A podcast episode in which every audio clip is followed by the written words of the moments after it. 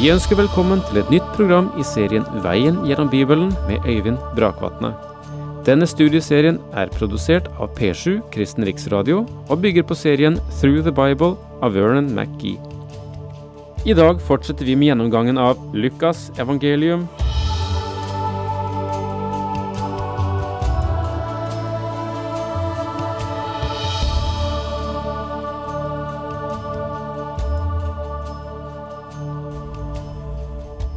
Vi eh, er i eh, kapittel tre i Lukasevangeliet, når vi nå starter igjen. Eh, og her møter vi den særegne tjenesten til døperen Johannes. En av de mest fargerike og dramatiske skikkelsene du møter i hele Det nye testamentet, iallfall. Og vi kan godt stille ham opp, også blant det mest fargerike i Det gamle testamentet. Han er en profetrøst overbygger perioden fra Det gamle testamentet til Det nye testamentet. Eh, han er den siste av de gammeltestamentlige profeter. Og det å være en profetrøst i en tid, ikke minst må det være slik i en forfallstid, og det var jo da de fleste profetene oppsto, så må det være hardt å gå mot strømmen. Og Johannes er en av disse skikkelsene som går mot strømmen, og som ikke er redd for å legge dynamitt i de hullene han borer inn i folks samvittighet. Han eh, går eh, kraftig til verks, og likevel så samler mennesker seg. For eh, det er klart det at eh, der et menneske står for sannhet, så kan sannheten ikke ties i hjel. Den kan selvfølgelig forfølges, og man vil ta livet av den, og det har skjedd opp gjennom historien så mange ganger. Men eh, ofte har man også erfart at martyrenes blod har vært kirkens utsed. Der har det grodd igjen på nytt, der har noe hendt. Og eh, sannheten, den er verd vår etterfølgelse, og den er også verd vår lidelse. For det er ved sannhet at tingene skjer, ikke gjennom usannhet. Og Johannes representerte denne sannhet, sannheten fra Gud, helt uhildet. Og som sagt var han hard i sin forkynnelse, kanskje for hard, synes vi, men det var vel lut som trengtes det som det har trengtes så mange ganger senere. Nå går vi inn i Lukasevangeliets tredje kapittel, og det er det åttende verset vi leser og fortsetter fra der. Så bær da frukt som svarer til omvendelsen, og kom ikke og si, vi har Abraham til far. For jeg sier dere, Gud kan oppreise barn for Abraham av disse steinene. Det budskap Johannes hadde å bringe, gikk på bot og omvendelse. Det er ikke det som er det mest fremtredende i dag, selv om omvendelse og bot er inkludert i troen. Paulus sa til de troende i Tessalonika at de hadde vendt om til Gud fra avgudene for å tjene den levende og sanne Gud. Første Tessalonika-brev, kapittel 1, vers 9. Du kan ikke vende deg til Gud uten å vende deg fra noe. Når du vender deg til noe, så vender du deg fra noe annet. Når du vender deg til Gud, så vender du deg fra synd, og det er omvendelse. Når du tar imot Kristus som din frelser, så vender du deg fra det som er knyttet til verden. Kanskje du, du har hørt om Guds kjærlighet, men du har ikke kjent deg beveget ved den, og du har undret deg på hvorfor. Du trenger å høre stemmen som roper i ørkenen, Vend om. Omvendelse er en del av frelsende tro. Omvendelse er ikke et inn-budskap. Vi taler om Guds nåde, men om du har tatt imot Guds nåde og har vendt deg til ham, så kommer du til å måtte vende deg fra din synd. Gjør du ikke det, så har du ikke i virkelighet vendt deg til Gud.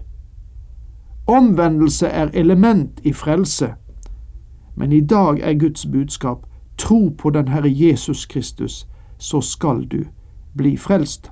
Apostelgjerningene 16, 31. Øksen ligger allerede ved roten av trærne, hvert tre som ikke bærer god frukt, blir hogd ned og kastet på ilden. På Johannes' tid var trær som ikke bar frukt, ubrukelige. Prydbusker hadde ingen særlig høy status. De ble skåret ned og brukt som ved. Johannes' budskap er sterkt. Johannes satte ikke budskapet om Guds forløsende kjærlighet fremst. Det var ikke hans kall å gi det temaet. Hans budskap gjaldt en overhengende dom. Og kanskje vi bør merke oss at det er et av aspektene som gjelder budskapet fra Gud også for vår tid. Israelsfolket hadde ikke vært produktivt, slik som Gud hadde ventet, og dommen ville bli deres del. Og Johannes sa til Israel at om de ikke bar frukt, så ville øksen slå til mot roten av treet. Og den Herre Jesus Kristus sier det samme til menigheten også i dag. Hva skal vi da gjøre, spurte folk. Han svarte, den som har to kjortler skal dele med den som ingen har, og den som har mat skal gjøre det samme. Johannes sa i et klart, forståelig språk til Israel at de levde for seg selv og forsøkte ikke å dele med andre det de hadde. Også noen tollere kom for å bli døpt, og de spurte ham, Mester, hva skal vi gjøre? Krev ikke inn mer enn det dere har rett til, svarte han. Tollerne krevde inn skatt, og de var vel kjente for sin griskhet. Men de også vendte seg til Johannes og spurte hva de skulle gjøre. De vendte seg også til Herren. Hva så med oss, spurte noen soldater, hva skal vi gjøre? Han svarte, press ikke penger ut av noen ved vold eller falske anklager, men nøy dere med den lønnen dere får. Det er altså et helt praktisk budskap Johannes har å gi til mennesker fra de forskjellige sosiale klasser. Min venn, vis i ditt daglige liv, ved måten du er på og den solide måte du utfører din gjerning på, uten å utnytte andre mennesker, at du ønsker å høre Gud til. Du åpenbarer det du er, også gjennom det du gjør. Derfor skal dere kjenne dem på fruktene, sies det i Matteus 7, vers 20.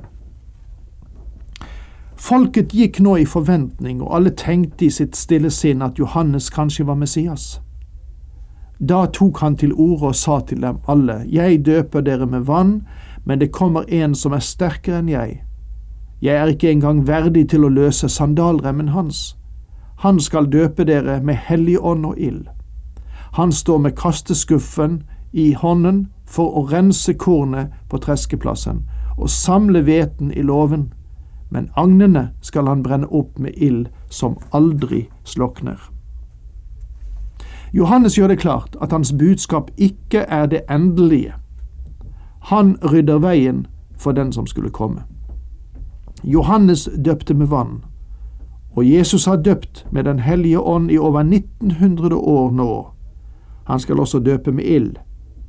Det kan være både til renselse og til dom. Men da han refset landsfyrsten Herodes fordi han levde med sin brors hustru Herodias og gjorde mye annet ondt, føyde Herodes en ny misgjerning til alle de andre. Han kastet Johannes i fengsel.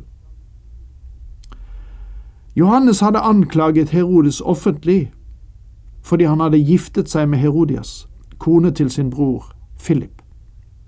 Herodias hadde blitt rasende over dette og krevde at Johannes ble satt i fengsel og Herodes han oppfylte hennes ønske og fikk Johannes puttet i kasjotten. Hele folket lot seg nå døpe, og Jesus ble også døpt. Da det var skjedd og han sto og ba, åpnet himmelen seg, og Den hellige ånd kom ned over ham i skikkelse av en due. Og det lød en røst fra himmelen, Du er min sønn den elskede, i deg har jeg behag. Lukas tar ikke sikte på å gjenfortelle i kronologisk rekkefølge. Om han hadde det, så ville han ha gjengitt Jesu dåp før han fortalte om at døperen Johannes ble arrestert. Ved Jesu dåp får vi et bilde av treenigheten. Den hellige ånd senker seg over Jesus, som også er en av treenigheten, og den himmelske Far taler fra himmelen. Resten av dette kapitlet tar for seg Marias, ikke Josefs, ettertavle. Josefs ett finner du beskrevet i Matteusevangeliet. Matteus' etterliste begynner med Abraham og ender opp med den Herre Jesus Kristus gjennom David og Salomo. Den legale rett til tronen kom gjennom Josef. Lukas' etterliste har en annen vinkling. Den blir gjengitt baklengs i forhold til Matteus. Lukas går tilbake til David og så tilbake til Adam. Lukas gir oss Marias' røtter, og dette er helt tydelig hennes ettertavle. Davids kongelige blod strømmet gjennom hennes årer også, og Jesu arvemessige tittel til Davids trone kommer gjennom henne. Det er to ting vi burde legge merke til når det gjelder denne detalj. Først gjør Lukas det klart at Josef var ikke Jesu Kristi far. Jesus var omkring 30 år gammel da han begynte sin gjerning. Han ble holdt for å være sønn av Josef, som var sønn av Eli. Ordet sønn som det ble brukt i denne ettertavlen, savnes i noen av de beste manuskriptene. Josef var ikke sønn av Eli. Ordet sønn er lagt til for å antyde linjen gjennom faren eller mannen som var hodet for en familie. Med andre ord er etterlisten stilt opp etter mannens navn. I Matteus, der etterlisten følger Josefs slektslinje, sies det at Jakob fikk eller er far til Josef. Det andre som er viktig å merke seg, står i vers 31. Sønn av Melia, sønn av Manna, sønn av Matata, sønn av Natan, sønn av David. Matteus trekker Kristi linje gjennom Davids sønn Salomo. Det er den kongelige linje.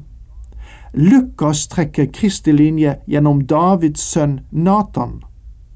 Maria hadde Davids blod i sine årer. Jesus Kristus er Davids sønn. Lukas avdekker Jesus Kristus som menneskesønnen og verdens frelser. Hans linje stopper ikke ved Abraham, men går hele veien tilbake til Adam, som var den første sønn av Gud, skapte barn av Gud. Men han falt fra denne sin høye stilling da han syndet.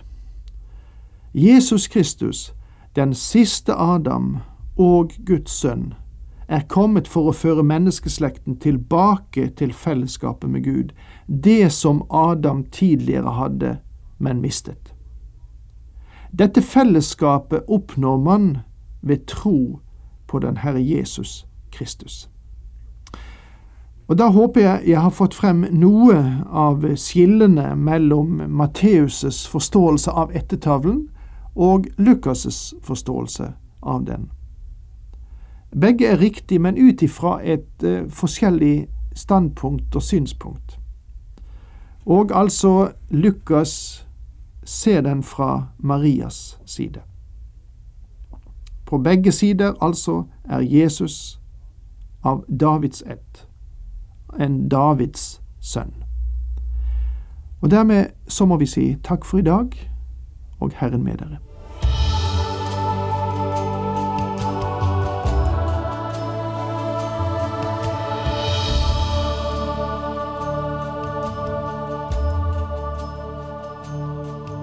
Du hørte Øyvind Brakvatne i studieserien Veien gjennom Bibelen. Serien bygger på et manus av Vern McGee. Har du spørsmål eller kommentarer til programmet, kan du sende en e-post til vgb krøllalfa p7.no. Takk for i dag, og på gjenhør.